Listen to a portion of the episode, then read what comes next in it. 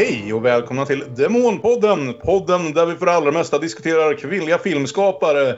Men vi gjorde inte det sist och vi gör inte det heller ikväll. För det här är en slags miniavsnitt som också funkar som ett uppföljningsavsnitt till det vi gjorde förra gången. Nämligen att skapa en lista över år 2020 års bästa 20 filmer. Jag heter Kalle Färm och med mig som alltid har jag Aron Eriksson. Hallå! Björn Waller. Hej! Och Olof Ekström. Hej! Ja, som sagt, vi hade ju julfest här där vi passade på att eh, dricka öl vid datorn och skapa en lista på 2020 års bästa filmer. Eh, det tog fyra timmar, det var väldigt spännande, jätteroligt, lite sorgset. Någon blev nästan lite arg ibland. Så det är ungefär som det ska vara på en julfest. Och, eh, Vi offrade vår vänskap för bra content. Och jag tyckte det var värt det. Ja, absolut.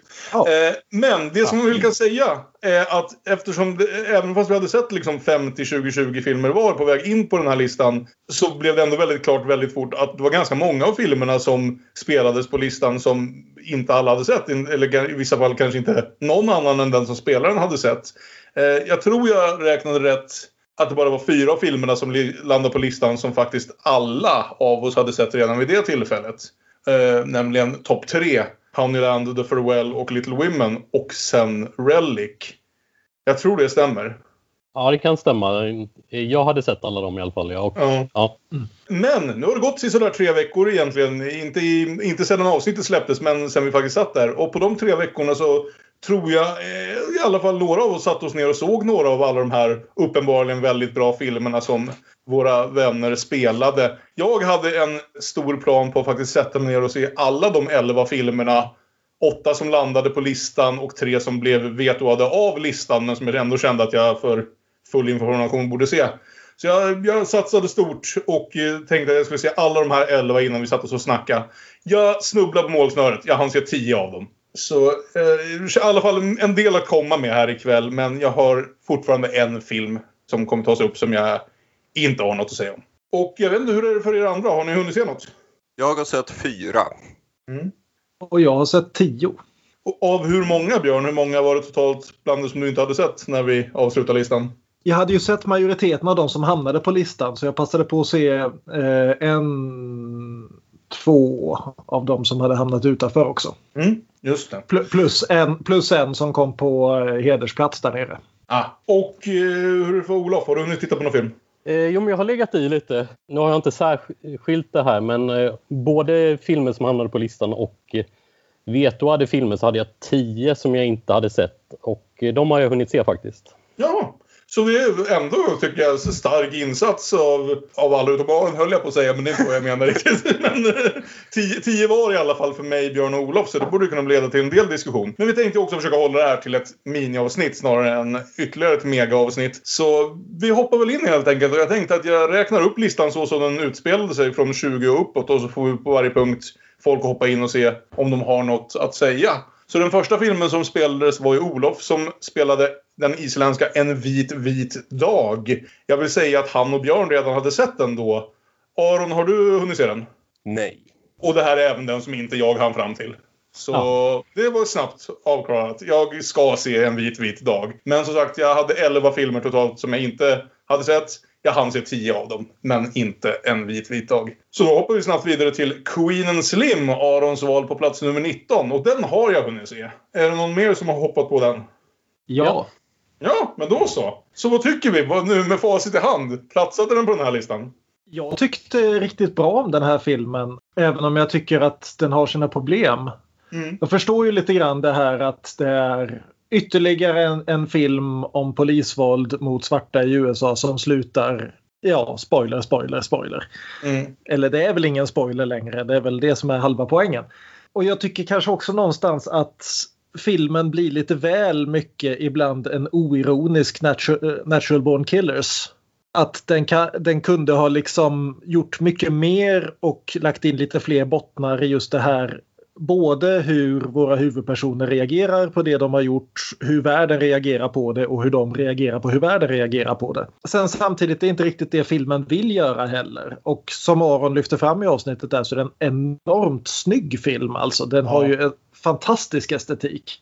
Ja, det är en film som så mycket handlar om nästan det här att eh, vilket nästan lite hybrisvarning på, men det är ju en regissör som, det är väl hennes första långfilm va, men hon kommer från musikvideor och ren videokonst. Om Ja. jag förstår det rätt.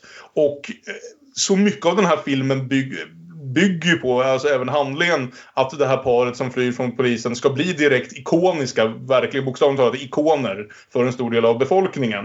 Mm. Och då kräver ju det sen att hon faktiskt har det visuella liksom den visuella möjligheten att få det att kännas precis så här ikoniskt. Och det hade ju kunnat vara att liksom gapa efter mycket. Men jag tycker nog ändå att det lyckas. Jag tycker inte heller det är en perfekt film. Jag tycker den snubblar lite här och där. Kanske framförallt på manusstadiet. Men mellan fotot och det faktum att de här två skådespelarna i huvudrollen, eh, Jodie Turner Smith och Daniel Kaluuya, är precis både så skitsnygga och talangfulla som skådisar som de är. Så någonstans tycker jag ändå att den, att den eh, nog lyckas med det här försöket att väldigt medvetet skapa någonting ikoniskt. Jag funderar på om, jag, om, om det borde ha varit för, mer thriller och jakt i den. Att, att, att det Mm. känns som en film som målar... Alltså den målar upp att det är en spännande jaktfilm lite grann för mig och så blir jag lite besviken när jag inte får det. Eh, var en, lite en känsla jag hade. Sen, sen så är det ju väldigt mycket kanske egentligen att filmen vill vara en romantisk film och att, att det Mm. mer är en... Det här jaktgrejen och det runt omkring är mer en ursäkt för det. Jag skulle säga så här, det finns en bra sträcka både i början och en i slutet där den faktiskt är ordentligt spännande. Men den glömmer liksom bort thriller-elementet i ungefär en timme på mitten. Ja, och, och- det, det är det jag tänker också att eftersom, jag menar, ska en film vara, vad är den, 2.20 lång, då ska det hända någonting med de där extra halvtimmen ungefär. Mm. Och just det här, de bygger upp en väldigt Liksom, det finns väldigt många bra sidokaraktärer i den här filmen. Men jag tycker ingen av de sidokaraktärerna får riktigt den plats de behöver ändå. Utan det, är mest, det känns som ett dataspel liksom från checkpoint till checkpoint ibland. Mm. Det, det, det är nästan lite, ja, vad heter den, Rise of Skywalker-varning på sättet att den liksom bara färdas från karaktär till karaktär. Och om man hade kunnat stanna upp med till exempel ja, Fleas karaktär eller den här lilla pojken som blir skjuten eller någonting sånt längs vägen och gett dem extra 10 minuter och så klippt 10 minuter någon annanstans. Mm. Så tror jag att filmen hade blivit ännu effektivare än den redan är. Aron, det var ju bara du som hade sett den här innan och som förde upp den på listan. Är vi orättvisa? Nej, jag har lite samma invändningar att vissa saker hade de eh, kunnat göra bättre. Mm. Men eh, jag är fortfarande nöjd med att eh, den är på 19 plats på listan. Tyckte det var ganska lagom. Jag tycker också att det känns faktiskt helt okej. Jag har inte riktigt gjort om en ny lista nu med de här tio inslängda. Men det är fullt möjligt att den skulle landa där någonstans även på min egen lista. Jag har börjat tänka att jag skulle likna den vid en krautrocklåt. Mhm. Det handlar så mycket om rytm och snygghet och liksom bara åker vidare framåt, framåt. Ibland så gör ja, gitarren någonting. Ibland kommer en synt och gör någonting. Men det där med att stanna upp är inte riktigt en krautrocklåts grej. Den håller på, gärna lite för länge, gör en del snygga grejer. Ibland vet man inte riktigt vad som händer. Och Jag de åker, jag ju- tyckte de väldigt åker ju en mycket om- gammal Mercedes också. Ja, just det. Nej, jag, tänkte säga, jag tyckte väldigt mycket om dialogen i filmen, minns jag, även om jag inte kommer på några jättebra exempel eller sådär nu. Nej, Det finns, det finns en del bra dialog. Jag tror mer är det här som Björn nämnde om hur handlingen utvecklar sig som jag störde mig lite på. Ska dock också säga att någonting som vi inte har sett i amerikansk film på ganska länge känner jag. En riktigt bra sexscen. När fan såg vi det Ja. senast i amerikansk det är film? sant. Det kan jag inte vara värt att nämna. Ja. Ja, det var men då- Som eh, både passar in i filmens handling väldigt bra, som är snyggt filmad. Liksom, Mm. Väldigt mycket Ja. är bra med den. Och används för att höja spänningen också. Och används för att liksom... Det är liksom en sån här sammanklippt sexscen som klipper mot andra scener i filmen och liksom båda delarna av handlingen, liksom både deras band till varandra och handlingen i stora världen utanför passar enormt bra ihop där. Och jag önskar att vi hade fått lite mer sånt i filmen. Men ja, Ja. en bra Ja, men film. På plats 18 hade Björn spelat Hålet eller The Platform eller El Hoyo. Nu du. El Hoyo. Oj, vad tror jag. Ja. Ja, just man uttalar El Hoyo. Så beroende på vilket språk man föredrar. Och den satt i alla fall... Hade någon förutom Björn satt den, sett den vid tillfället? Nej, jag har sett den sedan dess. Ja, jag med. Eh, hur är det med Aron? Hann du med den här? Nej, Ja, det här är en sån här film som, som jag är ganska liksom tagen av i stunden och tycker ganska spännande och fungerar ganska väl samtidigt som, som Björn även nämnde vid diskussionen, är otroligt övertydlig i sina metaforer så. Något som jag inte nödvändigtvis behöver tycka är en dålig sak. Eh, och sen så är det en film som jag tror har fallit lite för mig ju mer jag tänkt på den i efterhand. Att det var vissa saker som var lite slarviga, lite, lite hade kunnat liksom hanteras med lite snyggare och sådär. Men på det stora hela tycker jag att det är en underhållande film, även om det kanske inte är en film som jag skulle stoppa in på den här listan. Ja, vad tänker jag? Jo, men jag tänkte väl också att eh, jag saknade lite text i subtexten här ibland. Ehm, att den var ju lite, ungefär lika subtil som ett knytnävsslag i ansiktet. Men, mm. men, men, samtidigt är det ju en jätteintressant metafor som, så det går inte att komma ifrån. Och att det är på ett väldigt avskalat sätt att visa det här med att människor är oförmögna att vara solidariska även när det uppenbart skulle gynna oss själva på ett så väldigt tydligt sätt. Mm. Eh, och eh, de lyckas få in både lite filosofiska samtal och eh, obehagliga action och skräckscener som blandas himla snyggt. Sen är kanske världsbygget i filmen inte alltid jätteimponerande. Och framförallt tycker jag det är en film som så här, den försätter sig själv i en sån jävla lost-position där allting är hemligt och supermystiskt och supermärkligt. Så att den på något sätt använder det för att täcka över vad jag bara tycker är rena plotthål. Och då blir det någonstans att jag tycker själva handlingen blir lite slarvigt utförd därför att den kan komma undan med att säga men var inte det mystiskt och oförklarligt? Och jag bara nej, det var mest bara korkat. I vissa fall, inte i alla. Alltså om du ska jämföra den med Lost så blir jag förbannad kanske. så, så jävla usel är den verkligen. Nej, nej, nej det är den absolut inte. Men, eh, men, men du förstår vad jag menar i liksom oh. principerna. Att bygga upp en jävla tusen hemligheter och när man sen inte vill avslöja mer än två av dem så kan man använda det för att täcka över saker som helt enkelt inte var så genomtänkta. Samtidigt ja, vet jag inte om jag tycker det är så mycket hemligheter i filmen i slutändan. Utan nej. problemet är snarare att det blir för, för mycket som förklaras eller för mycket som är precis vad det ser ut att vara. Ja, Men eh, det är inte liksom det här att ser ni det här? Stort frågetecken. Det ska vi besvara någon gång. Och sen oj, det är två minuter kvar. Jag skiter i det där. Utan det är... Ja. ja. Det, det, det, det, är inte en dålig film. Det är en grymt underhållande film. Och som sagt, det är en sån här film där de flesta problemen för mig har dykt upp ju mer jag tänkt på den i efterhand snarare än att jag inte hade kul just när jag såg den så att säga. Och skå skådespelarna, framförallt huvudrollsinnehavaren, lyfte ju också filmen eh, något snäpp. Alltså, han var ju ja. grymt bra tyckte jag. Ja, men det är en intressant grupp liksom spanska karaktärsskådisar som, som är förmodligen inte bekant med någon av dem tidigare men som gör det. Och jag nämner överhuvudtaget tonen och stämningen. Som sagt, Björns, Björns eh, jämförelser med, eh, med Cube tycker jag är väldigt liksom passande. Eh, det är ungefär samma lite samma stämning som kommer fram där. Jag blev väldigt sugen på att se om Cube för det var ett tag sedan mm. Ja, men där någonstans landade vi väl med hålet. På 17 spelade visst jag Wolfwalker så den hade ju Björn redan sett. Så då är frågan om Aron eller Olof har hunnit fram till den. Inte jag. Yes, jag har sett den. Mm.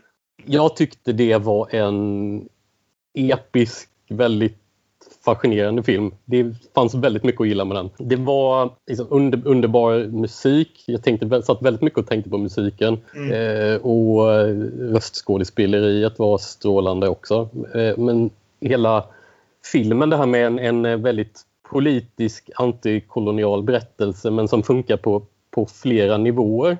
Alltså inte bara det, det politiska kolonialismen utan den koloni människans kolonialism av djur och natur och sådär som vävs ihop väldigt snyggt. Och blandat med en verklig historia om vänskap och, och lojalitet mot folk som är annorlunda än du som också funkade bra på, på egna ben. Så jag, jag tyckte om alltihopa det där. Och sen som grädde på moset hur filmen leker med klichén att Sean Bean måste dö på slutet. Eh, tyckte jag också om. Om det var medvetet eller inte vet jag inte, men jag uppskattade det. Ja, på 16 hade Björn spelat Deerskin som ju i alla fall både jag och Olof redan har sett. Så det blandar ju hos Aron då. Är det här en av dem du har sett? Det här är en av dem jag har sett. Nej men vad kul! Då så. Ja. Fast den inte var på engelska. Faktiskt så gjorde jag en ansträngning. Den var ju inte så lång så jag tänkte jag skulle klara det. Mm. Den var bra. Kul att ha den på listan. Diskussionen i avsnittet handlade väl en del om slutet, huruvida det funkade. Jag gillade slutet. Mm. Efter att ha varit arg i en halv minut så kände jag, ja, jag gillade det. ja. Det var, jag, jag har inte mycket mer att tillföra. Det var kul att höra om hur Björns skinnjacka sa åt honom att spöa folk. En pläderjacka har inte riktigt samma effekt.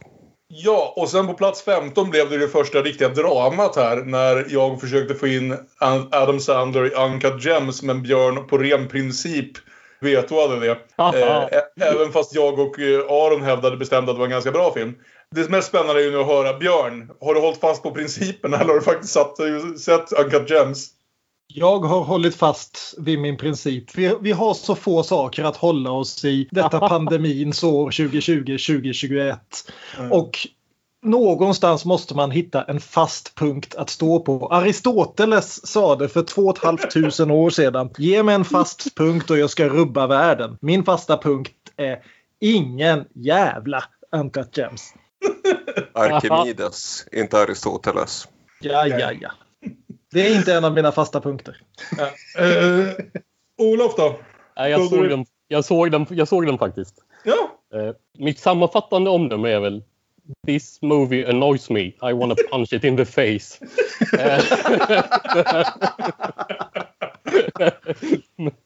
men, men om jag ska utveckla det lite mer så, så är det kanske hel, hela filmen hela tiden som känns så. Alltså när ångesten och depressionen och, och allt hos Sandler vrids upp till max i, i andra halvan av filmen så får jag ändå lite av den här känslan som man kan få när, när Nicolas Cage plötsligt känns helt rätt i en film. Eh, jag kan köpa det. Och eh, jag tycker att första halvan typ av Uncut Gems är alldeles för, för gnölig eller gnällig och, och trög på något vis. Men, men att den tar sig sen lite mer under eh, andra delen och att jag gillar den ganska hyfsat, den andra delen. Men sen undrar jag lite vad det är med den jävla musiken i den här filmen. Det känns som att den... Jag älskar den! Jag, alltså den är väldigt annorlunda men jag älskar det. Nej, det känns som den försöker överrösta Sandley i att vara mest påfrestande, alltså musiken i filmen.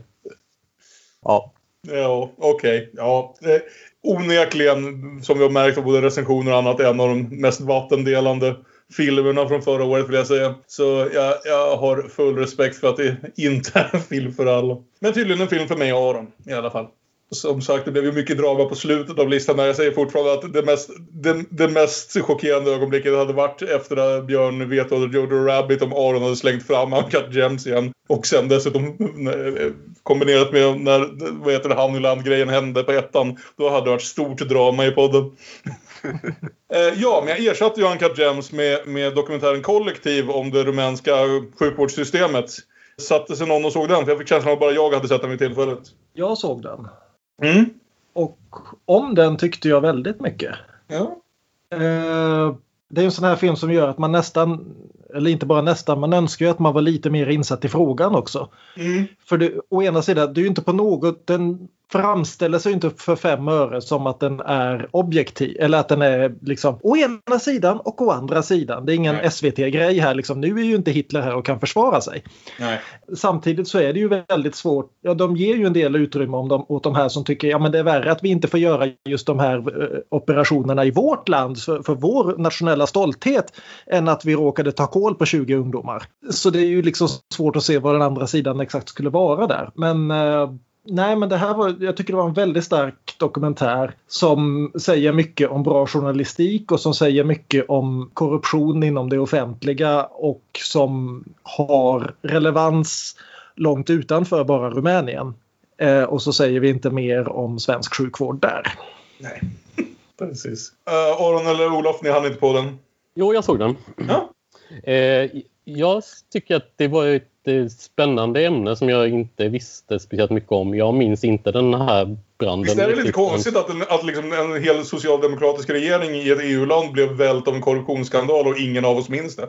Ja, det är ju inte speciellt länge sedan heller. Nej, 2015 liksom. Ja, och sen, sen handlade det ju inte supermycket om branden. Och, Nej, det är ja, kan, ja, Kanske att jag saknar att eh, det kändes lite konstigt att det var så att de lämnade så plötsligt det där med branden mm. och sen handlade det om någonting helt annat. Det var en lite grej berättelsen som störde mig lite. Jag tror att det är, att det är en rumänsk film ur ett rumänskt perspektiv och att jag gissar att allting som händer kring branden är liksom allmän kunskap. För att det var en sån ja. jättesak där nere. Det kan vara en vettig förklaring i och för sig. Ja. Och, då, och, då, och då för en rumänsk publik så, så skulle det bli jättekonstigt att tröska det i en halvtimme. Liksom. Ja, exakt. För att jag Ja. tror att det är sånt som typ var, var person känner till bara för att det var en sån jätteskandal där nere. Jo, Mm. nej, men det, det är ju samma sak som säger du diskoteksbrand i Sverige så kommer ju alla som är över 25 års ålder liksom att tänka aj fan Göteborg. Just det. Mm. det.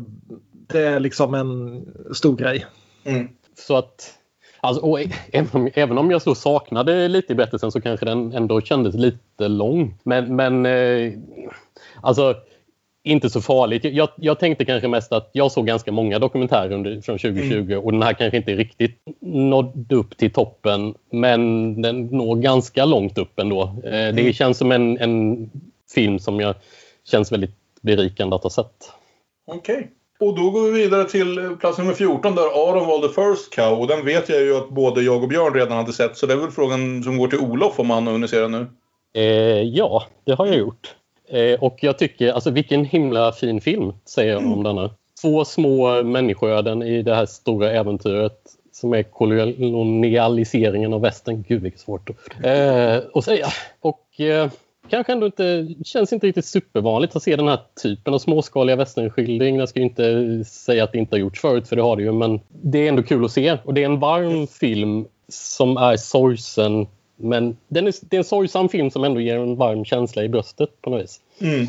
Jag gillar väldigt mycket med den här filmen. Jag gillar inte introt speciellt mycket. Elias mig. hittar en kropp. Ja, alltså jag ser inte riktigt någon poäng med det. Att, att eh, filmen ska tala om eh, så tidigt vad som kommer hända och eh, vad som, hur det kommer gå för de här två huvudpersonerna. Varför slå fast det redan i den första scenen? Det ser jag en... Nu, nu gjorde vi ju inte det i, i diskussionen tidigare så nu spoilade du precis den där filmen. Men... Ja, fast jag tycker nog att ser man första Ja, nej. så vet Jag, man. jag, det- jag, tycker, alltså man fatt, jag, alltså, okej, jag, jag fattade ju det direkt när, när man fattade att det är två starka huvudpersoner. Att okej, det är de som är döda. Men, Mm. Jag vet inte, vad, vad det är, vad det är, är det Det är, otydligt? två, det, det är 200, första scenen utspelar sig 200 år senare. Det är klart de är döda. Det vore mer chockerande annars.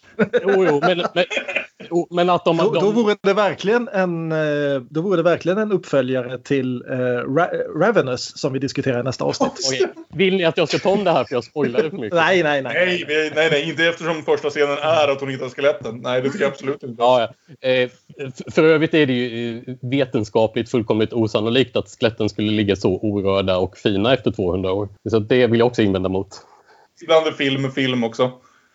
Men på tal om, men på tal om realism i film så spelade ju Olof Jammy på plats 13. Ja, Eh, och, och då, då, då känns det som att jag kommer få lite skit för. Men, men då kan jag bara säga att eh, ja, jag hoppas och tror att ni inte tycker att jag kommer in och saboterar listan här och att ni ändå vill bjuda in mig igen i, i, i fortsatta, eh, fortsatta sammanhang. kan man säga så här, det, det var väl precis tvärtom där. Det var bara du som hade sett den, antar jag, innan. Ja, har, har vi allihopa hunnit sätta oss och se den här då? För jag tänker så här ändå att när man tittar på den här listan av filmer som man fick ihop att det var ju den som spontant kändes som förmodligen mest lättsmält. Man visste att man skulle gå igenom en del känslomässiga perser när man tog sig an den här listan i efterhand. Och, och jag tror att eh, det var därför jag eh, nominerade den också. Att det här var en film som eh, fick mig att skratta otroligt mycket helt Ja. enkelt. Och att det var, det var nog en sorts eh, eh, utlopp som jag behövde under 2020 tror jag. Ja, ja men det, det, det tycker jag är förstår. Jag kan väl säga så här att min första spontana tanke kring Yummy var att jag fick, fick ut precis av den det jag inte fick från Soska-systrarnas Rabid. Nämligen om någon slags liksom kul skräckkomedi som samtidigt försöker vara lite av en satir av, vad ska man säga, eh, skönhetsideal och annat. Och precis sånt som gjorde mig extremt besviken med Soska-systrarnas Rabid Ett, typ de sakerna jag tycker funkar med Yummy. För jag tycker Yummy är en helkul zombierulle. Men det är verkligen också bara en helkul zombierulle. Det är precis allt jag väntar. Alltså när jag hör beskrivningen av liksom zombiekomedi på ett sjukhus med lite, vad heter det, plastikkirurgiskämt. Så föreställde mig bra, alltså, redan på den beskrivningen hade jag föreställt mig bra exakt den här filmen. Den tar liksom inte det till någon nästa nivå på något sätt. Utan jag tycker det är en helkul dricka öl och ha skoj film. Jag tycker kanske inte det är en av årets bästa filmer. Nej, men jag, jag håller väl med. Jag menar, det kommer vartenda år så kommer det ett antal hyfsade skräckfilmer som också är ganska roliga. Om man ska kalla det skräckkomedier eller om man ska kalla det skräck med komediinslag eller komedier med skräckinslag eller vad som helst. Den där, den där, det är en väldigt stor gråzon där. Och jag menar om du jämför med sådana filmer som kom förra året som till exempel Nobody Sleeps in the Woods Tonight eller Color Out of Space eller Hashtag Alive. Så tycker jag ju den här är den bästa av det gänget i alla fall. Sen så kom det säkert fem, sex till som jag inte har sett som är bättre. Det kommer att komma fler stycken nästa år som gör ungefär den här grejen ungefär lika väl. Mm. Det, kommer att komma, det har kommit liksom ett antal hundra sådana genom filmhistorien som Ja, det, det, är inte Shaun of the Dead men det är Shaun of the Deads lite tufsiga eh, nästkusin liksom. Och det, ja, jag var ändå lite glad att komma tillbaka till det modet någonstans därför att det känns som den nästa zombiefiktion jag har plockat upp de senaste decenniet och då ser jag inte i närheten så mycket zombiefilm som Jörn gör. Har snarare varit av den överdrivet liksom överdrivet allvarliga det här är en metafor för hur samhället kommer gå under. Mm. Liksom Walking Dead eller på tv-spelsidan The Last of Us varianterna där allt bara går ut på att se hur ledsna vi kan göra alla hela tiden och hur jävla mm. uttröttade vi blir av det. Så jag tyckte i och för sig att det var kul att se en kul zombiefilm för det hade jag nog inte gjort på ett tag. Inte en ny i alla fall. Och man måste ju se... Nej, jag har inte sett någonting förrän plats fem. Så... Mm. Okej, okay. ja men då så. Det lät som du hade något mer där Björn. Ja, nej, men det var, jag ville bara lyfta fram att man, man måste ju uppskatta en film ändå där en av personerna kommer inrusande i ett rum nedblodad och flämtar I saw a man eating a man. Och de andra svarar Eating what? Finish sentence please. ja. ja. Jo, alltså det, den är definitivt underhållande. Det finns en, en scen här involverande ganska grafisk full frontal nudity som jag garvade ordentligt åt. Mm. Den är ju så fruktansvärt rolig. Om det är snoppscenen du menar? Ja, det är klart. Olof Snoppstund, Olof Snoppstund och så vidare. Olof Snoppstund, Olof Snoppstund. Det är en fruktansvärt rolig snoppscen i den här filmen, ja. Så behöver inte säga mer om det. Eh, nej, men och den här filmen har ju såklart... Den, den eh, hade ju kunnat... Eh, det finns ju flera chanser som den inte tar i att eventuellt vara en djupare film. Att typ kritisera plastikkirurgin eh, och, och sådär på ett lite mer seriöst sätt. Det gör den ju inte, utan den använder ju det mer för att skämta lite om det. Eh, ja, och, så, och sen så det som jag, om jag faktiskt ska kritisera någonting annat än bara säga att det var inte bra nog är väl den här jävla förkärleken som hela, hela genren har för liksom eh, sexuellt våld och eh, sexuella förövare som på något sätt ska passa, de tycker ska passa helfint in i den här komeditonen men som ju alltid liksom sätter det, liksom drar i handbromsen och gör att hela, allting känns lite mindre roligt ett tag. Det är inte det bästa, det är inte bland det bättre med filmen, nej. nej. Även om jag, jag, kan, jag kanske avfärdar det lite med att ja men det är bara för att vi ska tycka riktigt illa om Jo, de här personerna. absolut. Så är, så är det ju. Men jag är lite trött med att använda sexuellt våld för det. Det finns så mycket annat våld man kan använda för det. Ja.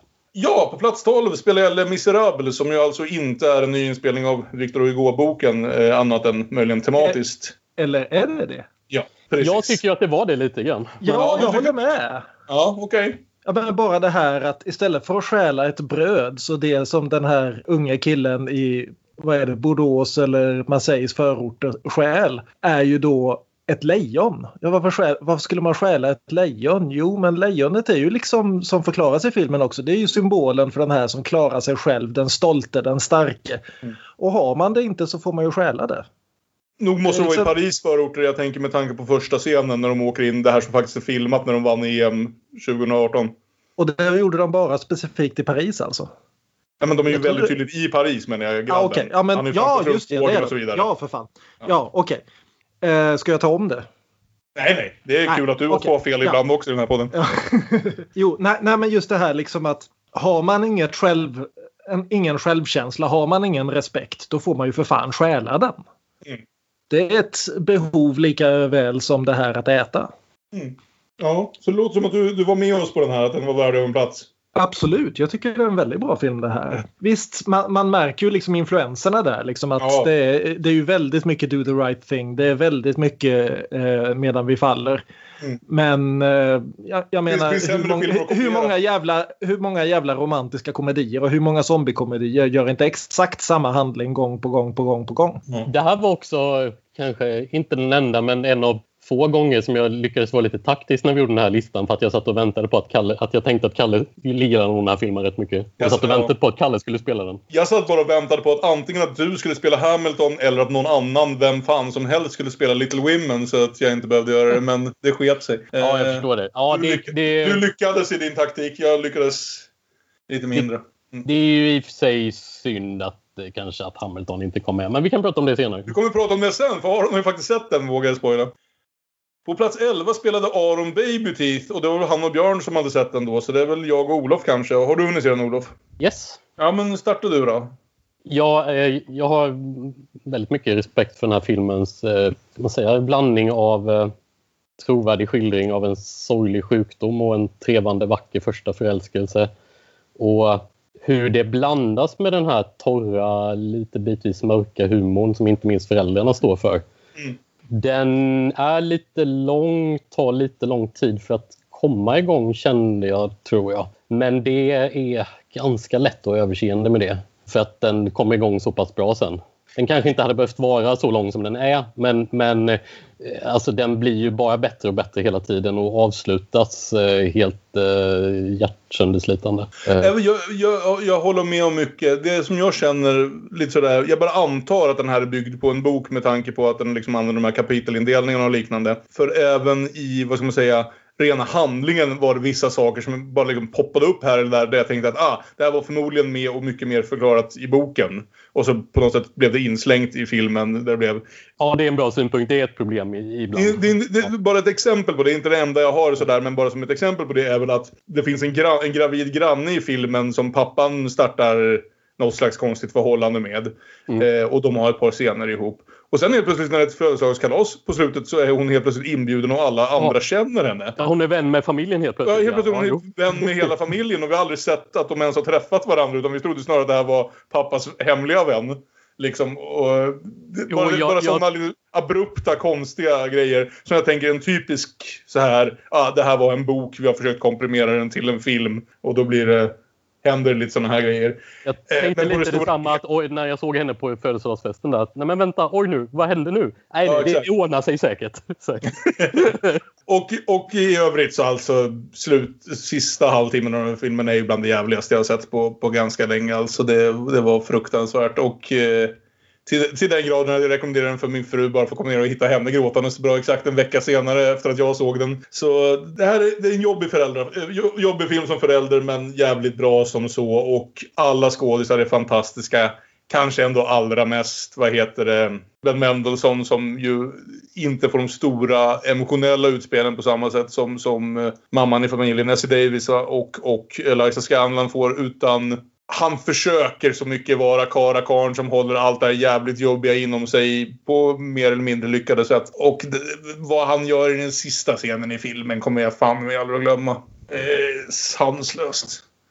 Fy fan. Jag kan Ja. se bygger den inte på en bok. Ha. Men Då tänker jag snarare ett, ett, ett alldeles för långt manus som behövde kortas ner någonstans. jag gillade grannhandlingen. Tyckte det var... Det är nog, det är nog bara roligt är varje inte gång i sig, det är de hur- konstiga vändningarna den tar. Bara att... Ja, det var roligt. Okej. Det var humor, Kalle. Okej.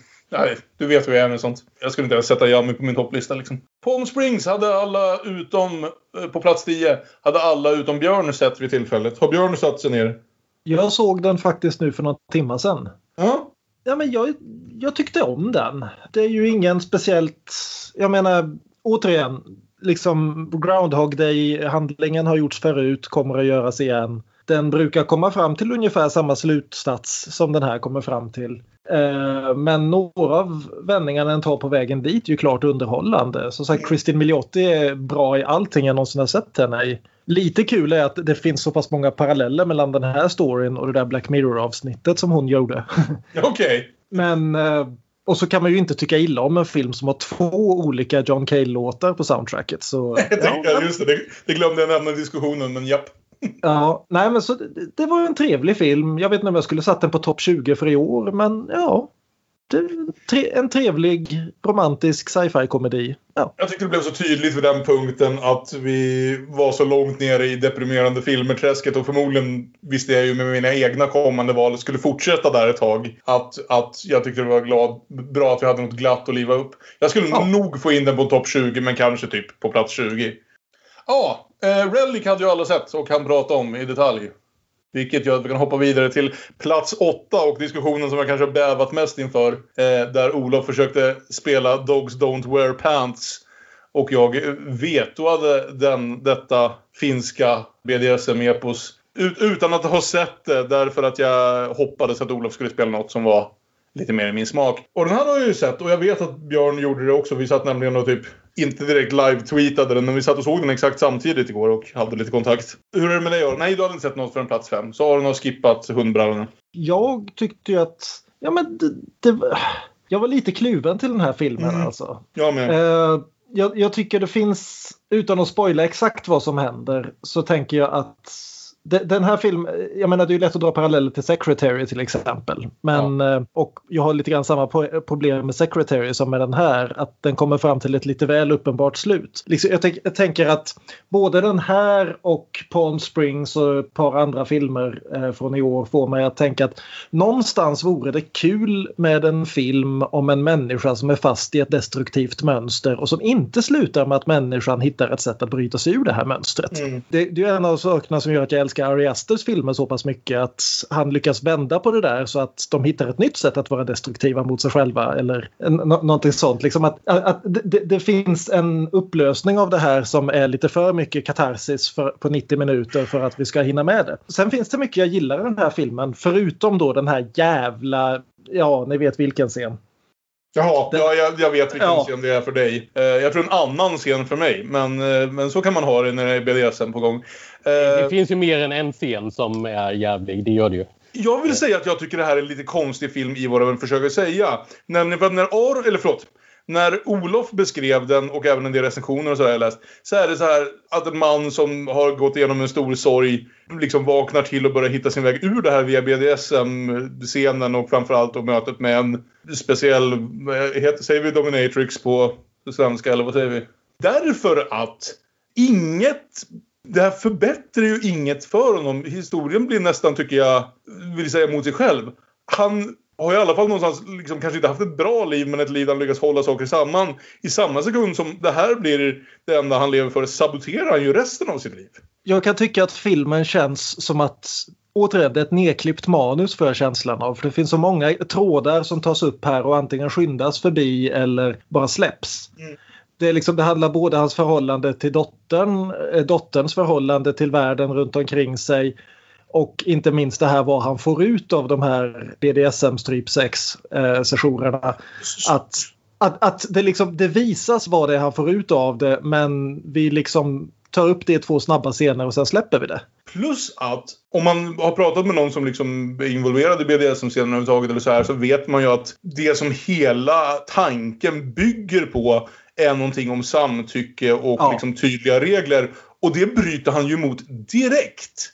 Oh ja. Och sen direkt börjar ståka den här tjejen så samtycke flyger ut genom fönstret direkt. Det finns inga tydliga regler. Jag blir nästan lite så här att det här blir lite, du vet, en skräckfilm, alltså lite, lite moralpanikfilm kring det här som ändå vill ha kakan och äta den ändå. Att, att det inte är en film som har ställt upp på no kink shaming utan snarare liksom vill skrämmas lite med det här. Inte minst just genom att vissa av scenerna är så sjukt obehagliga och absolut ingen av dem ens försöker vara sexiga. Va, vad han försöker få ut, vad den här mannen försöker få ut av att ge sig in i den här scenen har ju ingenting med sex att göra. Jag tror knappt vi får en anspelning till att det han får ut av det här är någon slags liksom sexuell njutning. Nej, men han, försöker ju, han försöker ju bearbeta sin, sin eh, sorg. Han, och han Ja. försöker ta sig loss från det här fisknätet som han fortfarande sitter fast i. Precis. Oh, absolut. Eh, och, Jo, eh, som han, fortfarande, han, han liksom känner fortfarande att han kvävs och han, vet, han liksom försöker hitta ett sätt att andas igen. Typ. Mm, mm. Eh, men jag uppfattar inte som att filmen utmålar det som att det han gör är okej. Det här du säger att han bryter mot Nej,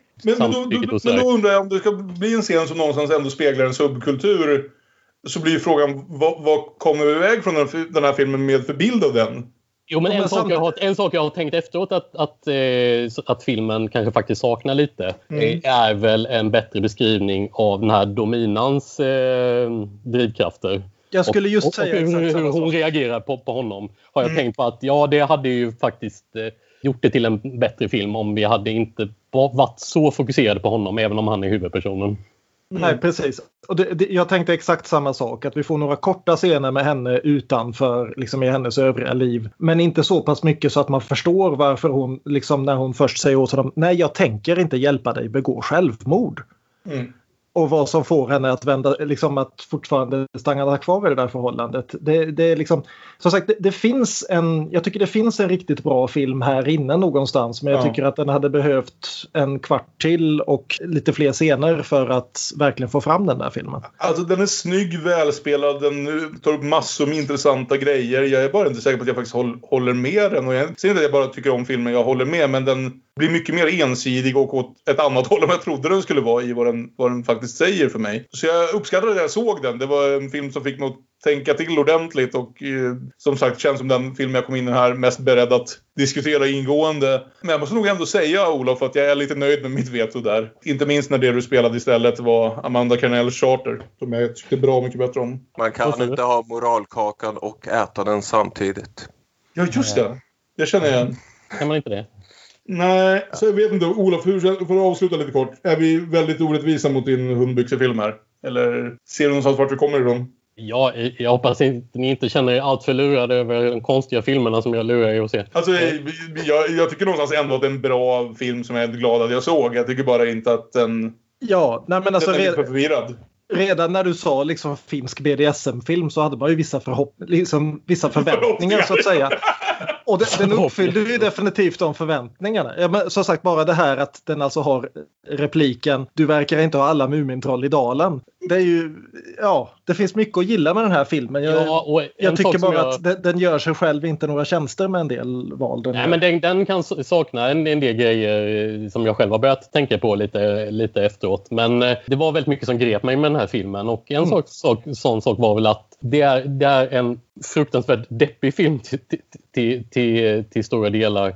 Som ju kanske blir ännu mörkare av det här som, som Kalle sa. Att, att eh, du har en, en, en man som ger sig in i BDSM-världen och sen bara skiter i alla deras regler och bara bryter mot samtycken och sådär hela tiden. Och den blir, den blir bara svartare och svartare men, det blänker, men att det blänker till sådär hela tiden med den här torra finska humorn. Det gjorde väldigt mycket för mig. Och jag Ja. tyckte också att, eh, jag tyckte att det var en eh, ändå ganska gripande skildring av den här mannens kvävande sorg och hur han hittar ett, Ja, det- hittar, hittar ett sätt att, att eh, ett annorlunda sätt att försöka lösa det. Sen kanske det inte riktigt löser sig men, men det är det är det som är målet i alla fall. Nej, men- nej men det håller jag med om. Jag menar öppningen av filmen, både liksom det här som händer och hur vi sen ser honom några år senare. Allt det där är jätteväl gjort.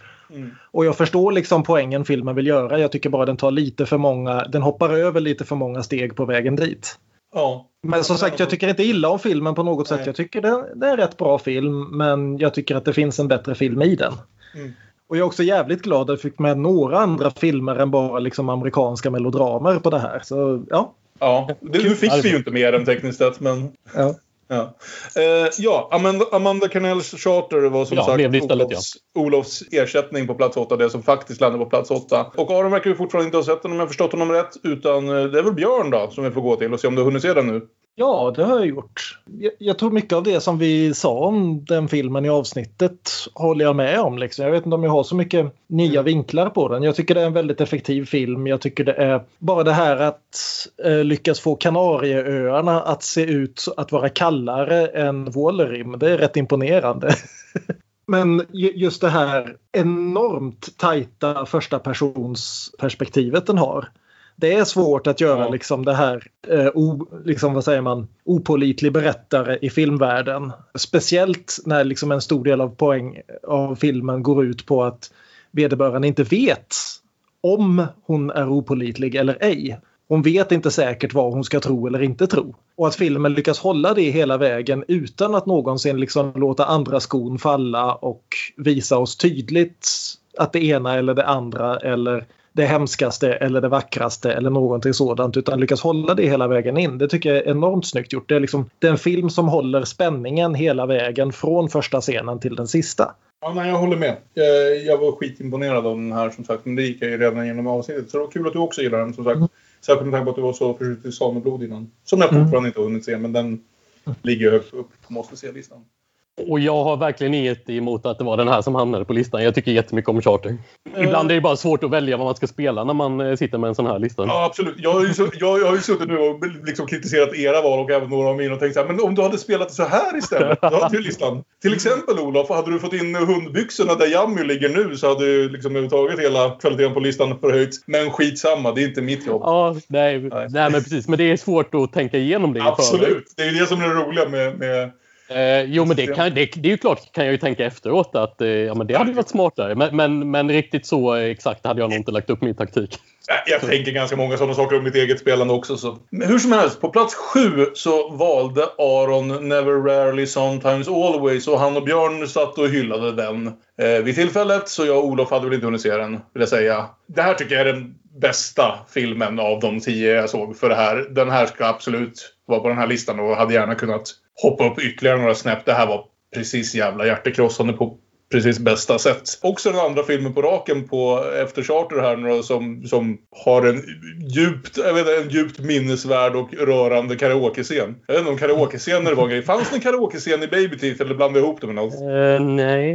Nej, det var det kanske. Ja. Skitsamma, jag tycker det har varit mycket bra karaoke-scener på film. Det verkar vara ett bra sätt helt enkelt. Den nya grejen för att faktiskt få fram en, eh, en karaktär som annars inte vill uttrycka sina känslor och ändå får dem att uttrycka sina känslor. Så vi skickar dem till en karaokebar. Jag är för det. Your Mandy. Well, you came and you gave without taking. Nej, det här var helt jävla fantastiskt faktiskt. Det, kulminer, alltså, det fantastiska kulminerar ju i den här titelscenen som är något av det överjävligaste jag sett som på, på ett år där väldigt många av de här filmerna och väldigt många av scenerna i de här filmerna fick mig att gråta så, så den flyger ganska högt upp på den listan. Fy fan. Vad säger du, Olof? Ja, alltså ibland kanske man som kille kan frestas att tänka att ja, men är det här med patriarkatet och våldtäktskultur Ja, egentligen så, ett så stort problem? Och varför? Och då kan man gärna se den här filmen och tänka Oh yeah, that's why. Alltså bara de här scenerna med två unga tjejer som går omkring på New Yorks gator och varenda jävla man är helt plötsligt ett potentiellt hot och hur de liksom Ja. Hela den blicken verkligen fångas och... Utan att, ja, utan att, oftast utan att säga speciellt mycket. Ja. Eh, Alltså den här filmen förklarar vad den vill säga så jävla bra och, så himla eh, understated, vad det nu heter på svenska, hela tiden. ja, ja. Men de Det- trycker inte upp det i ansiktet på oss utan det bara Nej. finns där. Det görs väldigt tydligt men det görs inte övertydligt. Liksom. Ja. Ja, precis. Mm. Den är, den, blir ju, den är aldrig i närheten av att vara predikande eller sådär. Men den, man, man missar aldrig vad den försöker säga men den är, den är ändå aldrig övertydlig med det, är, är väl det jag tänker. Skönt att ni gillade den. Annars hade vi kanske... Det hade varit svårt att tycka om er efteråt.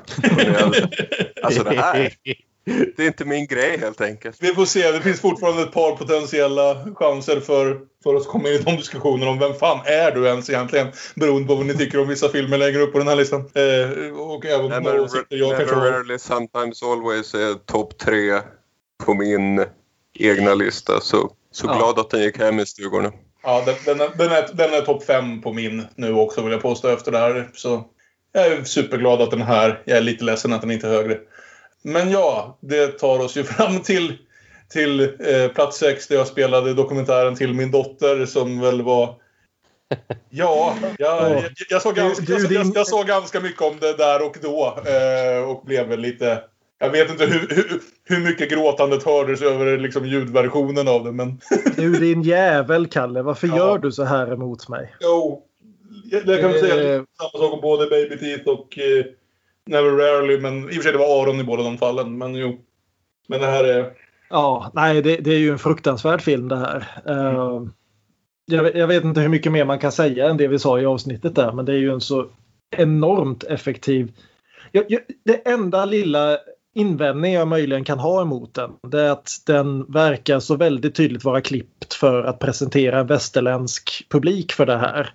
Mm. Och jag vet inte om jag tycker det är en nackdel direkt. Det Speciellt med tanke på hur diskussionen har gått runt det här senaste 6-7 åren. Det, det är väl det känns- nödvändigt ont om inte annars för att få ut den på en världsmarknad och ändå få Ja, precis. Det- Jag menar bara, det känns mer som en brittisk film än en syrisk film. Mm. Men som sagt, det, för att då kontrastera den mot kollektiv till exempel som väldigt tydligt utgår från en viss förförståelse. Men, eh, men den är ju så jävla effektiv den här filmen så det är hemskt att se. Och det är som sagt några scener vill jag inte ens prata om för det... Nej. Ja. Ja, nej, fy fan. Och eh, nu får vi Aron en chans kanske att ta ledningen här. För nu är vi ju framme på plats nummer fem där Björn spelade Bacurau. Som du väl sa att du också hade sett. För det var bara Björn som hade sett den vid tillfället va? Ja. Ja. Men Aron, vill du ta ledningen på den här då? Nu när du, när, när, när du inte har Ja. haft möjlighet att säga något på ett tag. Nu när jag äntligen har sett en film, ja den var väldigt bra, som Björn sa. Har hemma högt upp på listan. Jag vet inte om jag har så mycket att tillföra egentligen tematiskt. Eh, arg, rolig, bra svung. Mm. Jag, jag kan väl säga att det, nu börjar vi närma oss slutet av den här diskussionen, men det, det är min andra absoluta favorit av de här tio som jag såg här. Jag tyckte det här var en riktig jävla höjdare. Det är också helt otroligt för, för en sån här sak, bara i film i allmänhet, som kan slå väldigt fel, men som är så fantastiskt när det funkar. Det är ju det här att baka ihop en film med sådär fyra olika genrer och ett tiotal olika liksom, tonställningar från lättsamt till supermörkt. Och, och när man får sånt att funka är det ju otroligt och det är få saker det här året som fick det att funka så bra som, som Bacurau gjorde. För en tag är den alldeles tragisk, en tag är den bara spännande. Ett tag är den nästan någon slags liksom låtsas dokumentär över bara livet på den brasilianska landsbygden och sen helt plötsligt är det någon slags eh, satirisk actionkomedi liksom. Alltså det är så mycket olika saker i den här filmen. Vad den inte är mycket av är ju en skräckfilm vilket väl gör, jag bygger upp mot ett av besluten jag gjorde fel kan vi säga nu på, på vad heter det, den här listan då, nämligen att jag hävdade att vi hade för mycket skräck på den. Bacurau tycker jag faller alldeles för långt utanför skräckfacket för att jag skulle ha kritiserat den jag kritiserade den inte av den anledningen, men jag började prata om att det var för mycket skräck på den här listan. Och räknade in Bacurau till det, och det skulle jag ju inte ha gjort med facit i hand. Ja, varken Bacurau eller Deerskin eh, gjorde ju mycket för att representera skräck skulle jag säga. Nej, det ligger något i det. Men eh, ja, fast är, är inte Bacurau lite i skräcken då? Eller? Ja, alltså det finns skrämmande situationer, absolut. Ja. Men, men hur den sen... Det som är intressant är ju att den har nästan en skräckfilms uppbyggnad bara för att Ja. sen när klimax väl kommer så är ju mycket mer av någon slags äventyrsaction med lite absurda element än vad det faktiskt spelas som en skräckfilm skulle jag säga. En, en liten jämförelse, för jag, jag, jag såg eh, även en, en annan 2020-film som jag inte vet om ni har sett, men eh, The Hunt. eh, Som jag tyckte var rätt okej. Den hade en del intressanta idéer men, men också en hel del problem. Framförallt var den väl inte lika smart som den trodde att den var.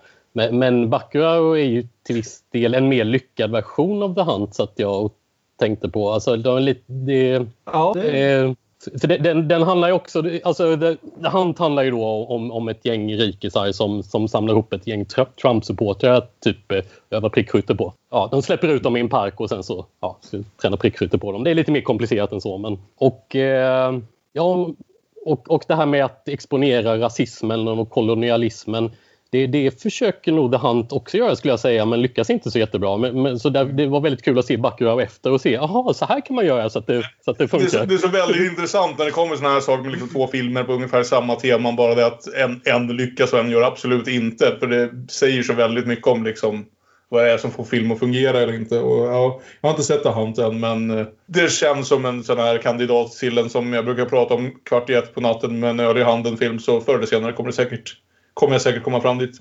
Men nej, Bacurau, vilken jävla resa alltså. Det, det var skitkul. Den hade...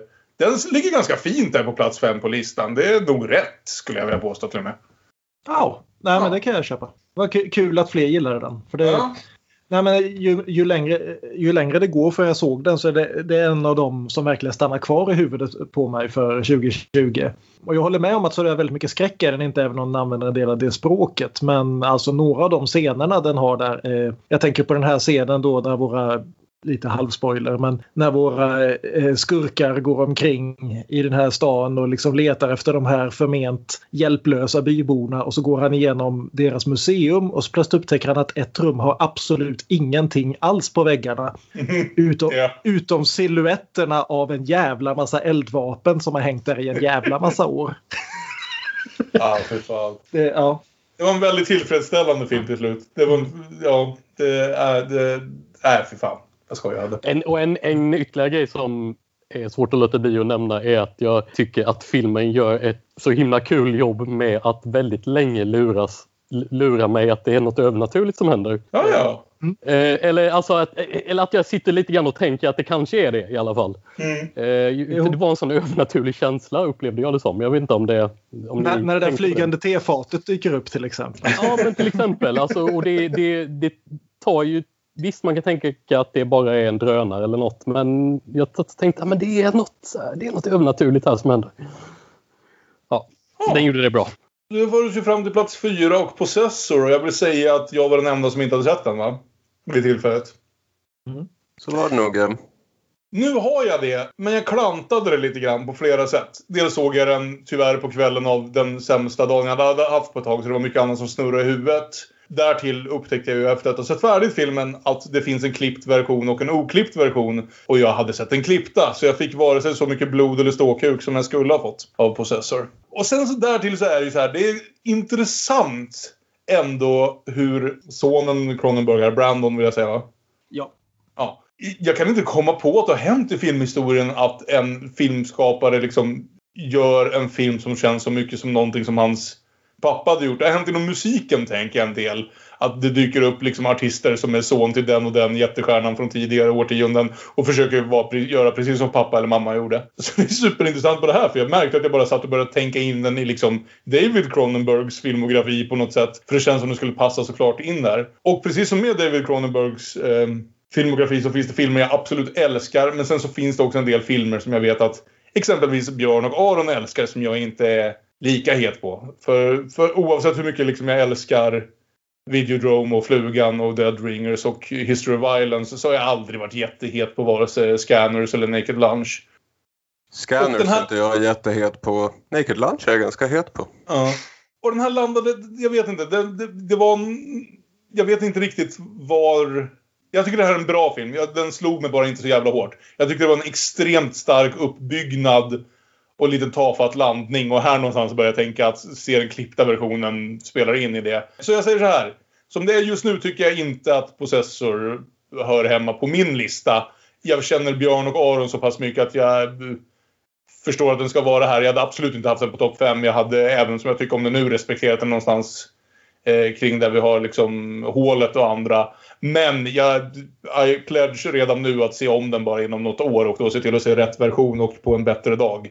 För att faktiskt få reda på vad jag tycker om den för eh, jag är väldigt splittrad just nu. Det är definitivt intressant, det är skitsnyggt, det är allt det här ni säger. Det var bara det sista halvtimmen, jag vet inte, det klickade inte riktigt för mig. Jag tror ändå man måste säga att eh, Björn har spelat Bacurau och Possessor i fel ordning. Det mig- jag med. För mig Ja, det är, Men ja. Ja, Possessor är på min topp tre så det var en liten taktik jag hade att fan, Björn måste helt enkelt ta den. När jag sitter där med Never Rarely Sometimes Always, Possessor och well, vi kommer till Hunter Hunter. och, nu... jag behövde ja. att Björn spelade en utav dem och ja, ja, han spelade Possessor så där lyckades jag taktiskt. Och nu kommer vi till senaste rundan i min nya favoritlek det här året, nämligen tvinga folk att se Hamilton. Där jag verkar ha lyckats med att tvinga Aron att se Hamilton. Och det är alltid spännande, för alltså musikaler i allmänhet och Hamilton i synnerhet skulle jag säga är ju, vad ska vi säga, något som folk reagerar högst personligt och väldigt olika på. Så jag- det ska bli spännande nu Aron. Jag är lite nagelbitarstämning. Kalle, hur kan jag säga nej till det här? Jag vet inte hur man säger nej till det här. Det måste ha varit väldigt häftigt att se live kan jag också tänka. Att vara i rummet när det händer, i rummet när det händer, i rummet när det händer. Jo. Nej men jag gillade Hamilton. Eh, inte på samma sätt som vissa andra gör det. Jag kommer väl kanske inte att se om den jättemånga gånger eller lyssna på låtarna till vardags. Mm. Jag vet inte ens om jag ångrar mitt veto. Men, eh, men jag gillade den. Ja. Det var, Okej. det var, ju, det var ju jättetrevligt det här. Ja. En sak du pratade om som, eh, ja om jag ska lägga till någon slags kommentar.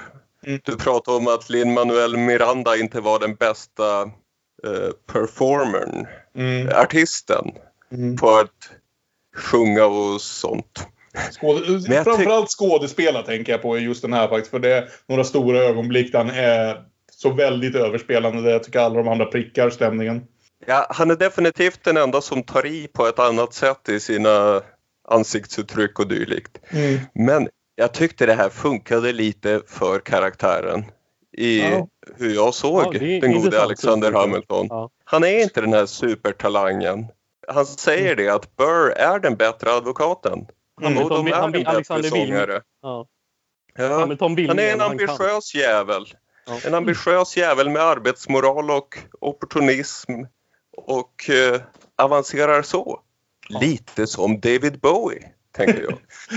Och, och vi ska säga så här också att jag föredrar verkligen Lin-Manuels variant av Hamilton mot det som jag och eh, Olof fick på, på West End-scenen där hela casten var fantastisk bortifrån att vi snarare hade en lite småtråkig, lätt eh, okarismatisk Hamilton själv. Som Ja, också Det fick, så. fick Det allt det, kan, här det kan att... i. Men, Ja, men Som fick alla de andra rollerna att skina ännu starkare. Vi hade till exempel typ en dubbelt så bra Washington. Eh, det, det är det som får mig att, att ändå att eh, ha li, lite dubbla känslor kring filmatiseringen kan jag, kan jag tänka mig att, att det kändes som att det var många som var väldigt mycket bättre när vi såg den live. Men du, du, du säger alltså att det är en missuppfattning att egentligen var Alexander Hamilton som var sämre? Ja, det var han som var sämre han förhöjde andra. Nej, eh, den jag tycker är markant bättre när vi såg på scen som sagt var han som spelar Washington. För han, Ja, som Han var jättemycket Washington, bättre. Ja. Helt jävla oförglömlig. Och Ja. Han är inte dålig i den här varianten men han är en av de lite plattare.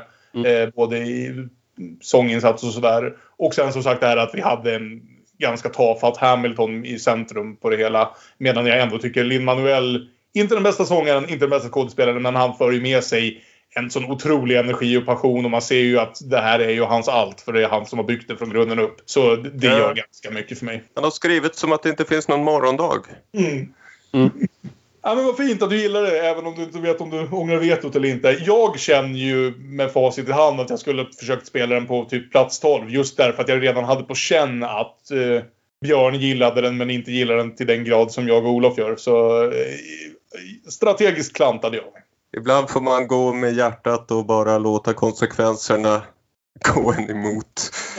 Och det var ju också roligt att Hamilton använde David Letterman-strategin när han hade varit otrogen. Så att det, det var därifrån Letterman fick sin strategi, inser man ju nu. Jag ersatte Hamilton som alltså blev vetoad av Aron med Little Women på plats tre och den vill jag säga att alla hade sett redan. Så det kan vi hoppa förbi. Och på plats två försökte Aron spela Hunter Hunter och det var här typ sju öl in och lite annat som Kalle sa nej på ren princip. Det är för mycket skräck här. Och det som är så roligt nu när jag ser tillbaka på mina egna handlingar är ju att jag hade redan fått alla mina favoritfilmer spelade så jag vet inte vad jag hoppades att du skulle ersätta den med. Det var liksom bara för jävelskap efter att du hade vetat att Hamilton och att jag hade någon känsla av att det var för mycket skräck på den här listan. Nu har jag ju sett Hunter Hunter och det är en jävla rökare till, till skräckrulle, det får man ju säga. Är den bättre än The Farewell? Ja, men bara lite. Så jag är inte supermissnöjd med mitt veto, men med facit i hand, jag hade kunnat Hunter, eh, låta Hunter Hunter finnas kvar här. Särskilt med den passion som du uppvisade. Jag har inte riktigt den passionen. Jag tror jag lägger mig mer kring hur Björn talade om den. Som att jag skulle nog ha den på typ någonstans mellan plats 10 och 15 på min egen lista. Men det var ju en riktig jävla rökare, det får man ju säga. Jag hade också missförstått lite av beskrivningen tror jag, för jag bara antog eh, när jag skulle se den att det skulle vara en film som berättade ur dotterns perspektiv på något sätt och få liksom, som vi har sett i ganska många sådana här filmer, liksom få barnets upplevelse av allt det här lite förvirrande, våldsamma som händer i världen runt omkring. Men det är ju en film som, precis som Charter, nästan helt och hållet spelas ur mammans Mm. eh, perspektiv och Jo, jag- filmen, filmen leker ju medvetet med det också. Den sätter ju upp dottern som protagonist i första liksom, kvarten. Ja, precis. Och, sen, och sen så hinner vi liksom... Den, den körde sen så pass, så pass sneaky att vi inte riktigt fattar att det inte är hon som protagonisten förrän gott och väl en timme in i filmen. Nej. Och hon som spelar mamman som jag aldrig sett i någon tidigare tror jag är alldeles jävla fantastisk. Hon är, det är en av Det, det är en riktigt stark insats. Sen så lyckades den göra mig riktigt orolig på fel sätt också. Nämligen att det är ju en film som börjar med att vi ska vara rädda för den här vargen som har kommit tillbaka till området och börja äta djur och kan börja äta människor. Eh, och sen när vi sådär, inte vet jag, en 20 minuter in i filmen faktiskt får se den här vargen så är det filmens enda riktigt tafatta ögonblick därför att det här är en lågbudget kanadensisk skräckis. Och den där vargen är en specialeffekt som inte övertygade någonstans. Så jag tänkte att ju mindre varg i den här filmen desto bättre. Vi säger så här, det funkar till slut. Det gör ju det. Ja. Jag är glad du gillar den och eh, liksom för content skull så, så blev det ju en annan episkhet i avsnittet av ditt veto där. Det blev, Man får ja, offra en del för content liksom. ja, min syster Ellen som ju är vår mest trogna lyssnare skrev en del ganska upprörda ögonblick där och bara Jävlar vilket krig det blev! Och sånt fick jag. Som meddelanden skickade till mig så. Ja, bra. The hunter, hunter gets captured by the game. The hunter, hunter gets captured by Jag har lite funderingar, och jag ska inte spoila slutet på filmen, men jag har lite funderingar kring, kring slutet om, om det verkligen passar in i den här filmen. Jo, det är slutet som gör filmen lite någonstans känner jag ändå. Alltså det, det, kanske, det är väl inte ett dåligt slut egentligen. Jag bara kanske skavde lite att är det här är inte detta ett slut från en annan film egentligen? Så att jag var lite grann min första känsla. När jag har, när jag har eh, funderat lite på det kanske jag ändå kan köpa att det, det kan vara logiskt att det slutar på det sättet. Och, och det, det, som rädd, det som räddar eh, slutet är väl framförallt eh, ljudmixen. Ja. Eh, eh, alltså att det, det är det helt rätta valet, så att säga. Jag kan förstå hur du menar, absolut. Eh, och jag kan i viss mån hålla med. Samtidigt så tycker jag att slutet är... Där, därför att som i alla bra filmer finns det mer än en sak som händer i den här filmen. Inte för att antyda att det här är liksom någon sorts high art med 15 olika nivåer i. Men det finns två, Eller två plan den här filmen... Men, men det finns två plan den här filmen spelar på. Dels vad som karaktärerna faktiskt tror händer och dels alltihopa runt det här. Varför i hela fridens namn har man valt att bosätta sig långt ut i skogen? Varför åker den här killen, liksom den här polisen runt med en bil och skjuter björnar? Varför är vi så liksom, rädda för både människonaturen och naturen? Mm. Och det, liksom, utifrån det så tycker jag slutet fungerar något fantastiskt väl. Ja. Och jag känner så här också, det är en, ska säga, en extremt våldsam film. Men det är också en film som väldigt, väldigt väl väljer när den visar våldet och inte. Den hade Ja. kunnat visa vissa saker som händer i filmen men väljer att inte göra det. Och jag tycker den Ja. gör, det, gör de avvägningarna precis rätt. För det finns saker som händer eller antyds i den här filmen som jag inte behövde se. Och Nej, precis. den gör, gör de valen precis rätt. Och, och den jag. gör det på ett sätt som bara bidrar till att höja stämningen också. Ja, exakt. Sen så tycker jag bara det var en sån här kul detalj att någonstans ungefär halvvägs genom filmen när man kommer till den punkten som man gör i skräckfilm att man börjar tänka men varför plockar inte alla bara upp mobiltelefonerna och löser det här? Så började jag titta mig om i rummen även när vi inte är i den här stugan mitt i skogen som det handlar om utan på polisstationen och så och inser att ah, det är en film som utspelar sig på 80-talet. Alla datorer är skitgamla. Den där snubben har en Walkman. Det förklarar varför inte, varför inte mobiltelefonerna löser även den här, den, den här skräckfilmen. De gnäller över goddamn yuppies. Och, ja. Ja, precis. Men, men hörni, 80-talet kom inte till Kanada förrän 1998. och, och det här är dessutom långt ut på landsbygden så vi kan lägga på en 5-6 år på det. Så att det kan mycket väl vara betydligt senare än vad ni tror.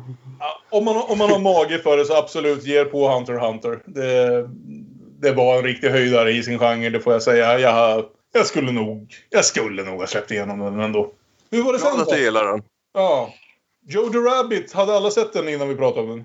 Ja, tror det va? Ja. Ja, och du, jag kommer inte ihåg om du hade sett den Olof, det var mest dig jag tänkte på. Ja. ja men då så, då för oss väl fram till den sista filmen vi faktiskt behöver prata om. För Och alla hade Farewell sett- hade också alla sett va? The Farewell hade alla sett. Så då så, då var det ju Olofs val till första platsen som han dock inte fick igenom. Nämligen Bait. Ja, har ni sett Och den? här, ingen utom Olof hade väl sett den vid tillfället. Och det blir såklart mest spännande att höra vad Aron har att säga. För precis som när det gällde Hamilton så var det Aron som vetoade bort den här filmen från listan. Ja, ett osett veto. Det var mycket känslor där på slutet. ja, men Bait var väl en ganska trevlig och ganska bra film. Och eh, ja, det är ju en grej med den att de har använt skitgamla kameror. Och det blir en del fina bilder. Och hur ni ibland lekte lite med det där och jag ibland lekte att vi gör snabb cool Scorsese-klippning med uppenbart enormt klumpig teknik. Det var ju väldigt charmigt. Den har Gwenol och Thea Gilmore på soundtracket, vilket är sympatiskt. Karaktären och handlingen kunde väl fått mer jobb. Men, men, man kan inte begära allt. Olofs, eh, här är en liten spaning då. En kommentar till vad Olof sa.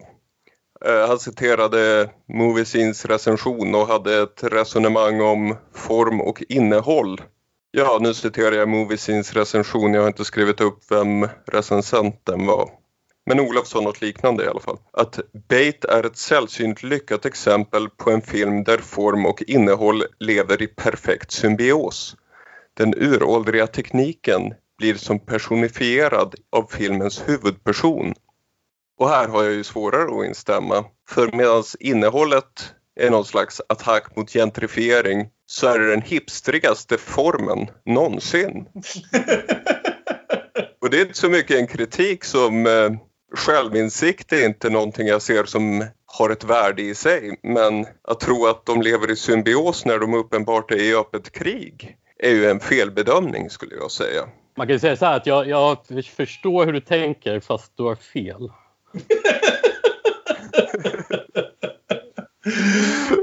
Bait-kriget rullar vidare. Vad säger du Aron? Eller Björn? Ja, jag kan hålla med Aron på det stora hela. Liksom, att det är en, en film som ser enormt snygg ut. Det är väldigt sällan man ser moderna svartvita filmer som lyckas få till den här fantastiska texturen i bilderna. När du filmar svartvitt digitalt så ser det ofta så jävla utslätat ut. Hej Mac. Ja, precis. Eh, men eh, det, det ser ut som om någon bara stängt av kontrasten på tvn ungefär. Men eh, den här har ju liksom, den här är ju nästan en 3D-film för fan. Det är sån textur i bilderna. När, när liksom man, man ser dem liksom veckla ut de här fiskenäten så ser det ut som om någon verkligen har dragit ett nät över tvn. Det är enormt snyggt gjort. Och jag, jag tycker ändå liksom att det lirar ihop med det här att du på, på sätt och vis tycker jag den här motsättningen mellan å ena sidan det gamla filmandet och å andra sidan hipstrigheten i det tycker jag funkar rätt bra ihop. Med just den här frågan om stolta fiskare som vill kunna leva på fiske men måste leva på turisterna istället. Det är liksom, de är fast i den där fällan och det finns inget enkelt sätt ur den. Du kan inte bara kasta ut turisterna, då svälter du. Men sen så som sagt, jag tycker liksom att framförallt slutet av filmen funkar inte berättarmässigt. Jag sitter... Lite lätt, ja. Ja, det, det. det, känns som att den tappar bollen alldeles precis på slutet där. Det finns några scener som funkar enormt väl. Den här eh, scenen, och det här är någonting som är väldigt sällsynt. Det- Det här gissar jag att IMDB inte ens har en tagg för, till skillnad från till exempel Reference to a Scone. liksom den här scenen med påtvingad hu- hummertinelagning. Som är en jävla bra scen. Och det finns, många, det finns många bra scener i den här filmen men jag tycker inte riktigt den hänger ihop till att bli en fullpoängare. Sen tycker jag väldigt mycket om den men jag tycker den hör inte hemma som nummer ett på en sån här lista. Jag är väldigt, jag är väldigt glad att jag såg den och jag hade gladeligen haft den på topp 10 för i år, eller fjol. Men nummer ett, där, där tycker jag faktiskt att det är korrekt att den inte ska vara så högt upp. Nej, jag kan väl stämma in i det någonstans. Jag tyckte verkligen det här var en riktig höjdare. Som sagt, någonstans på topp 10. Kring plats 10 till och med skulle jag kunna tänka mig hade passat ganska väl. Typ där Olof spelade Palm Springs. Men, men eh, det är en riktig jäkla höjdare. Som sagt, bara filmnörden i mig får ut så mycket av, av hur de har gjort det här. Och jag uppskattar liksom politiken och vreden i berättelsen också. Den tar absolut lite snubbesteg här och där. Men det är bara en så unik upplevelse. Och det är väl så. Man börjar komma till den här punkten nu som filmtittare och liksom väldigt aktiv filmtittare i nästan hela sitt liv. Att om, någon gör, om någonting gör något nytt, även om det nya är något gammalt, så det är så jävla mycket värt. Eh, så, så jag var skitglad att jag såg den här. Det var faktiskt den första filmen av de här tio som jag hoppade på. Jag tänkte direkt att det här måste jag se vad fan det handlar om. Sån här hö- höjdarfilm. Inte årets bästa film. Men det tycker jag å andra sidan inte att uh, Honeyland som landade där är heller. Jag är mest glad att den är, jag är, mest glad att den är där därför att vi retade upp Aron. Eh, men jag gillar... Jag, jag tycker de är ganska jämvärdiga. Jag tycker Honeyland är en fin, fin film. Jag tycker Bait är en fin, fin film. Ingen av dem är min favoritfilm för i år. Men Det blir aldrig så på sådana här listor utan det blir ju det, det är ju det här som är det roliga med att vi använder det här lånade systemet som vi har lånat från vår favoritpodd Screen Drafts. Jag tyckte i alla fall att själva, vad ska jag säga, den tävlingskvällen var typ det roligaste jag gjort på hur länge som helst. Jag älskar ju att prata film mer, annars skulle vi inte göra det här varannan vecka. Och eh, jag är nöjd med listan så som den ser ut. Det är en, det är en, det är en lista med 19 riktigt bra filmer och Yummy. Jag, jag skulle säga att det är en film, eller en lista med 20 bra filmer varav några är fantastiska. Eh, Det, det är ingen på den här listan som jag är verkligt liksom missnöjd med. Nej. Uncut Gems och Björn, det var så nära. Ja men den är inte på den här listan. Nej, jag vet att det lite är det. Nej, men det låter inte som att ingen, någon har varit så här aktivt anti en film som landade här. Liksom. Även liksom, för, för typ den som jag tycker är näst minst bra då, efter Yummy är förmodligen eller Hoy och, och den hade jag ändå riktigt kul när jag såg och först började störa mig på efterhand. Liksom. Så det, det är väldigt, Är det, någon väldigt som, respektabelt. är det någon som har hunnit se någon av överkursfilmerna? De vi diskuterade lite kort efteråt. Tror Nej. inte det. Vad har du hunnit se då, Björn? Eh, Jag såg eh, The 40 year old version. Ja. Var det Aron som tipsade om den? Ja, det var det. Mm. Mm. Som jag tyckte väldigt mycket om och som jag nästan tycker skulle kunnat platsa på topp 20-listan här. Eller inte bara nästan, det tycker jag att den kunde ha gjort. Eller borde ha gjort. Eh, för det, det är en riktigt kul film och jag tycker framförallt det är en riktigt kul, just apropå det här snacket med gentrifiering och så vidare. Att nästan alla filmer som tacklar det tar en så väldigt enkel ståndpunkt till det. Eh, jag tänker till exempel på den här Vampires vs the Bronx som också kom i år och eh, tror att den är en amerikansk Attack the Block och det är den verkligen inte. Okej. Och det att den här filmen tacklar hela den grejen som en misslyckad pjäs som finns någonstans mitt inne i historien och som alla vill ha så lite som möjligt att göra med. Jag tyckte väldigt mycket om den filmen faktiskt. Den hade, den hade en, en fräsch ingång och den hade en del intressanta saker att säga och den har eh, återigen, det är snygg svartvit film. Mm. Vilket man inte är bortskämd med så här eh, nu för tiden. Och några genuina gapskratt, vilket Ja, eh, absolut. mycket Precis. värt. Det, för, det förvånade mig faktiskt för jag hade fått intrycket att det var en mycket mer liksom seriös film. Men jag liksom framförallt första halvtimmen är ren jävla komedi och jag satt och asflabbade flera tillfällen. Ja. Det enda jag har lite emot den är att den, eh, ja det är väl mest i huvudpersonen, regissören, manusförfattarens huvud, att 40 är jättegammalt. Vilket, ja jag närmar ju mig 40 med stormsteg och jag vill inte höra sånt. Jag vill se, jag, ser om Nip och hör i första meningen att 40 är det nya 30. Eh, Ja. Ja, alla ska det hända oss en dag. Ja, hörni, jag tycker det var jättekul. Jag vet inte om det här avsnittet tilltalar någon utom oss själva, men jag kände att det var en diskussion vi behövde ha. Eh, jag är så glad Det över här är att några... sånt som, ha- hade vi haft ett Patreon-konto så hade det här varit Patreon exclusive. Ja, precis. Nu. Men, men, men det går inte att få så mycket Patreon-konton för de 1,50 vi skulle få in. Eh, så det, vad heter det? Jag är i alla fall jätteglad att jag fick prata igenom det här med er oavsett hur kul det sen är för andra att lyssna på. Jag är också glad att jag vet åtminstone ett gäng personer som faktiskt satt och lyssnade på alla de där fyra timmarna som vi Det så spelade in. Så eh, det, jag tycker det var ett lyck- lyckat experiment. Jag tycker vi kör kanske nästa år igen, vem vet? Men innan dess så ska vi återgå till ordinarie programmering och eh, det här är ju ett bonusavsnitt så det här, ni behöver inte vänta i två veckor till på nästa ordinarie avsnitt utan vi kommer ganska kort in på här nu att släppa ett avsnitt där vi pratar om två filmer om smågangsters, nämligen Elaine Mays Mikey and Nicky och Antonia Birds Face. Även om det här inte är ett riktigt avsnitt så spelade vi ändå in en låt till den. Ja, känd från eh, Bait-soundtracket. Thea Gilmore, hennes låt The List, tyckte vi passade. Ja, fick ge mig på att sjunga lite där igen. Jag vet inte hur det gick. Jag vet aldrig hur det går. Det lät. Jag bara tänkte, ska vi säga några ord om Gunnel Lindblom också innan vi slutar? Bra idé. Oj, jag hade missat det. Ja, nej, men hon dog idag. Åh nej. Ja, nej alltså. Gunnel är kanske lite den, min, den, den mest underskattade av alla de där och de stora Bergman-aktriserna. För vi har pratat oss så väldigt varma om och så väldigt mycket om både Bibi Andersson och eh, Harriet Andersson och eh, Liv och eh, Ing- eh, Ingrid Turin. Och sen vad heter det? Eva Dahlbeck. Men eh, Gunnel Lindblom det det var ju verkligen de här sex skådespelerskorna som verkligen bara förde honom igenom hela hans karriär och som gav honom i stort sett hans Bergman hans bästa ögonblick. Sen ska jag ärligt säga att jag inte har sett Gunnel Lindblom i väldigt mycket som inte är Bergman. Eh, men vad hon gör i några av de där filmerna, inte minst Tystnaden är väl den jag tänker på först när jag tänker på Ja. henne. Det är ju direkt fantastiskt. För att inte bara tala om att som hennes sista ögonblick i Sjunde inseglet i och för sig är ju också oförglömligt. Jungfrukällan, också en Mm. definierande roll.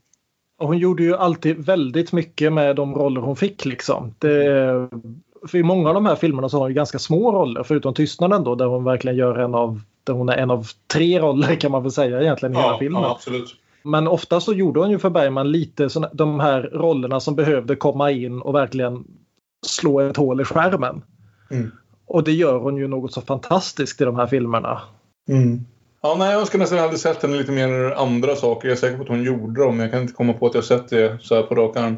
Hon var ju med i Män som hatar kvinnor till exempel. Det är ju... Ja. Det var inte så att hon gick över rätt mycket till att göra teater då? Eller fortsatte hon att göra film? Ja, hon gjorde ju en hel del för Dramaten och annat. Hon gjorde en hel del tv-arbete också. Och hon regisserade ju mycket själv också. Vi pratade Mm. ju som hastigast eh, något av Bergman-avsnitten om hennes regidebut Paradis torg. Mm. Som jag tyckte var en bättre film än vad hon tyckte. Men, eh, nej, men det är ju liksom hennes 60-talsroller med Bergman som man verkligen minns. Åtminstone som utifrån våra perspektiv. Och ja, hon hängde med längre Ja. än de flesta. Och det är lite sorgligt. Ja, det är väldigt sorgligt att det är ytterligare en länk till det förflutna som försvinner nu. Vi kan väl säga det nu när vi är tillbaka på Bergman här att eh, dokumentärfilmaren Jane Magnusson som vi pratade ganska mycket om eftersom hon gjorde den Bergman-serien som var aktuell då när vi pratade, på den tiden vi pratade Bergman och låg på SvD eh, har tillsammans med Max von Sydows son Henrik gjort en dokumentärfilm som heter Gunnel Lindblom ut ur tystnaden bara här om året. Jag har inte sett den, men den ser intressant ut och det finns väl en god chans om jag känner SVT rätt att den kommer dyka upp på ett SVT Play nära er inom kort. Nu, Ja. när, nu när Gunnel har gått ur tiden. Det är fullbordat. Yes, men som sagt, ni är välkomna tillbaka nästa gång och lyssna när vi snackar om två filmer om små gangsters. Och sen ska ni även passa på att se Nadine Labakis Kapernaum på SVT Play. Den ligger där fram till sista januari för det kommer vara en av filmerna vi tittar på gången efter det. Ja, hörni. Då har vi väl helt och fullt lagt 2020 i marken och kan gå vidare mot nya filmtider. Vi får börja se film från 2021 så vi kan göra något liknande nästa år. Ja, Ser fram emot det. Absolut. Tack för att ni ville vara här med oss ikväll. Hej då! hej då. Hej då. Då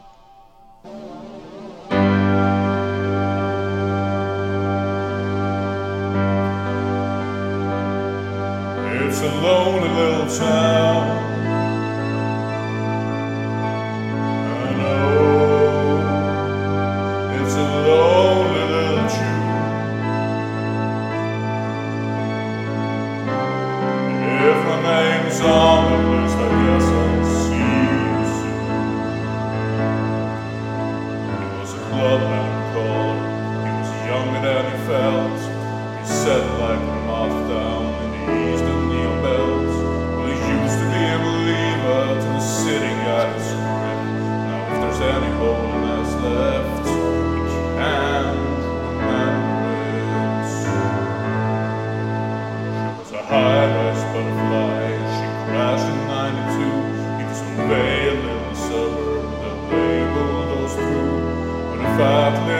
Angels got a harvest like they should. I was downtown now.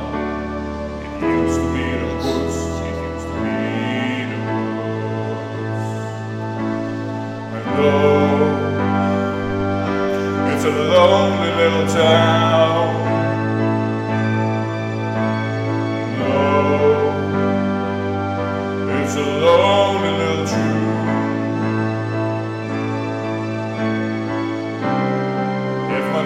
song.